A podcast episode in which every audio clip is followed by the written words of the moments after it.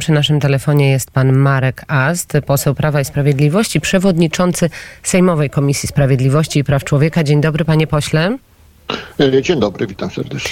Co się stało, że Prawo i Sprawiedliwość wycofało się z e, tak zwanej e, Rady Bezpieczeństwa, która miała powstać? W piątek zgłoszony projekt, dzisiaj mamy środę i projekt wycofano. Chodziło oczywiście o powoływanie rad nadzorczych czy zarządów spółek strategicznych dla Skarbu Państwa. Y, No, ja nie znam y, szczegółów y, decyzji o wycofaniu tego projektu, ale no, rozwiązania, które proponował, mimo tego, że cel szczytny, bo wiążący się z zapewnieniem ciągłości w funkcjonowaniu strategicznych dla bezpieczeństwa energetycznego y, państwa y, spółek z udziałem Skarbu Państwa, to jednak rozwiązania, które y, zostały zaproponowane i które temu celowi miałyby y, służyć, no nie były naj, najszczęśliwsze. No w ocenie większości chyba nawet y, posłów klubu y, wczoraj y, też na posiedzeniu klubu na ten temat odbyła się y, dyskusja, raczej przeważały głosy y, krytyczne, y, więc y, Wydaje się, że bardzo dobra e, decyzja, e, tym bardziej, że e, no, po to, aby e, też e,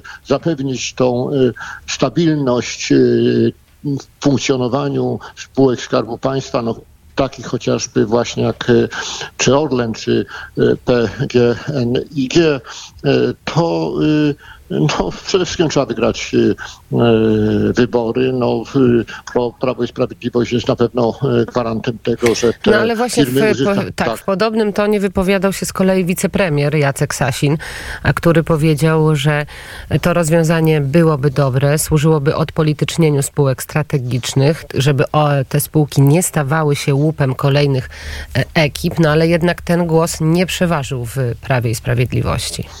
No nie przeważył, bo tak jak powiedziałem, y, y, odbiór y, jest y, również społeczny. Odbiór tego rozwiązania też jest nie najlepszy, no, pokazujący oponenci wobec jakby tych y, propozycji y, zawartych w projekcie mówią, że chodzi o zabezpieczenie y, dotychczasowych władz w spółkach, tych, które powstawały w okresie rządów Prawa i Sprawiedliwości.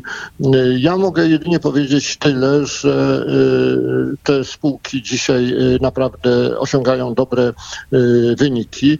I y, to powinno też y, jakby y, stanowić argument za pozostawieniem kierownictw czy zarządów tych firm. No, tam, gdzie są duże przychody i duży zysk i spółka dynamicznie się rozwija, no to nie ma uzasadnienia, aby w takiej spółce przeprowadzać zmiany. No ale wiemy, jakie są realia i wiemy, że po prostu zresztą nie dalej jak wczoraj zdaje się, y, y, słyszeliśmy w, y, w jednej ze stacji telewizyjnych wypowiedzi Ryszarda Petru, który mówił, że jedynym, y, jedynym, jedynym receptą na dobre funkcjonowanie y, tych przedsiębiorstw jest ich y, prywatyzacja. No, my się z tym absolutnie nie, nie zgadzamy. E, Ryszard Petru, o, odgrzebany przez jakąś telewizję, to jestem zdziwiona, że jeszcze gdzieś pojawia się, jest komentatorem życia politycznego, ale o inną sprawę jeszcze, panie pośle, chcę zapytać. Czy wpływ na państwa decyzje miały wypowiedzi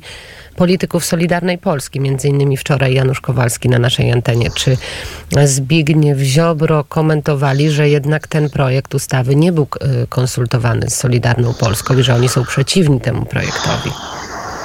No, no, być może to też był jeden z elementów, bo dla każdej ustawy trzeba y, zapewnić dla każdego projektu większość y, sejmową. Jeżeli kluczowy y, koalicjant y, ma y, wątpliwości, to też jest argument, argument za tym, aby wstrzymać procedowanie, żeby przeprowadzić konsultacje, wprowadzić ewentualne korekty do takiego projektu.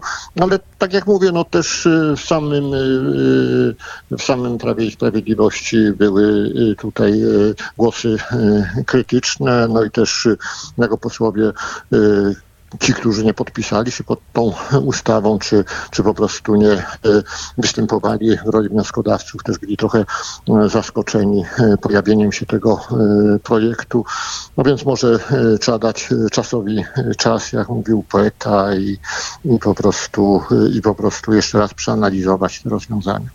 A jak wygląda analiza, panie pośle, w, w Prawie i Sprawiedliwości Komisji Śledczej, jeżeli chodzi o tak zwaną aferę taśmową? W miniony piątek posłowie Koalicji Obywatelskiej takowy projekt Komisji Śledczej, e, o powołanie Komisji Śledczej e, złożyli. Jakie głosy przeważają? Czy państwo są skłonni do tego? Czy, e, czy, czy jakie są nastroje? Znaczy, nastroje są takie, że y, y, oczywiście sprawy wymagają y, wyjaśnienia, wyjaśnienia wymagają no, chociażby oczywiście kwestie, które próbuje zarzucać dzisiaj totalna opozycja, jakoby za tą aferą taśmową stały rosyjskie służby, aczkolwiek ten wątek był przez prokuraturę i prokuratora generalnego Seremeta i przez prokuratora generalnego Ziobrę analizowany i tam i w okresie rządów Platformy tam zapadła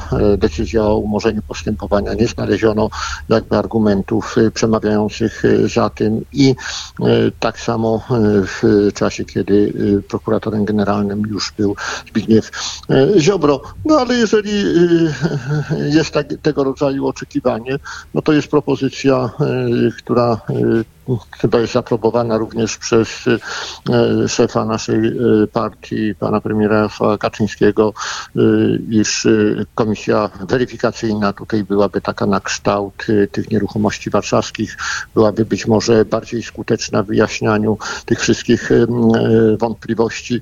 No i też zawsze clue jest, jaki miałby być zakres czasowy i przedmiotowy pracy takiej komisji więc tutaj no, ja się dziwię, że y, posłowie y, y, Koalicji Obywatelskiej tak mocno prą kierunku tej komisji śledczej, bo raz mm, jakby historia pokazuje, że te komisje śledcze z reguły niewiele wyjaśniały, no był to po prostu taki teatr dla y, y, mediów, dla opinii y, publicznej, a i tak i tak strony sporu politycznego pozostawały jakby przy swoich stanowiskach, czyli jeżeli większość komisji rozstrzygała, że stan faktyczny był taki, a nie inny i przyjmowała jakieś konkluzje, no to z kolei i posłowie opozycji z reguły pisali y, bardzo obszerne zdania odrębne.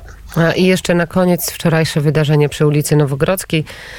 Nieprzyjemne na pewno wydarzenie. Wołaj Kaczyńskiego, bo cię zabije, krzyczy na nagraniu 20-letni mężczyzna. Za chwilę jest szarpanina z ochroniarzem Biura Prawa i Sprawiedliwości przy Nowogrodzkiej. Jak to z kolei jest komentowane Prawie i Sprawiedliwości?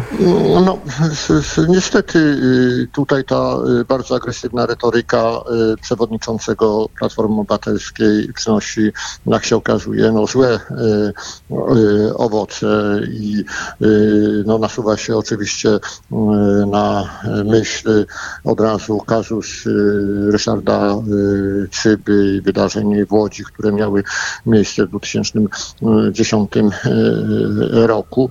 Y, no nie można. Język debaty y, publicznej może być y, ostry, ale nie może być językiem nienawiści, który no, prowadzi do tego, że różne nieodpowiedzialne jednostki zacietrzewione, zaślepione nienawiścią są gotowe do popełnienia no, nieprzewidywalnych zupełnie jakichś czynów.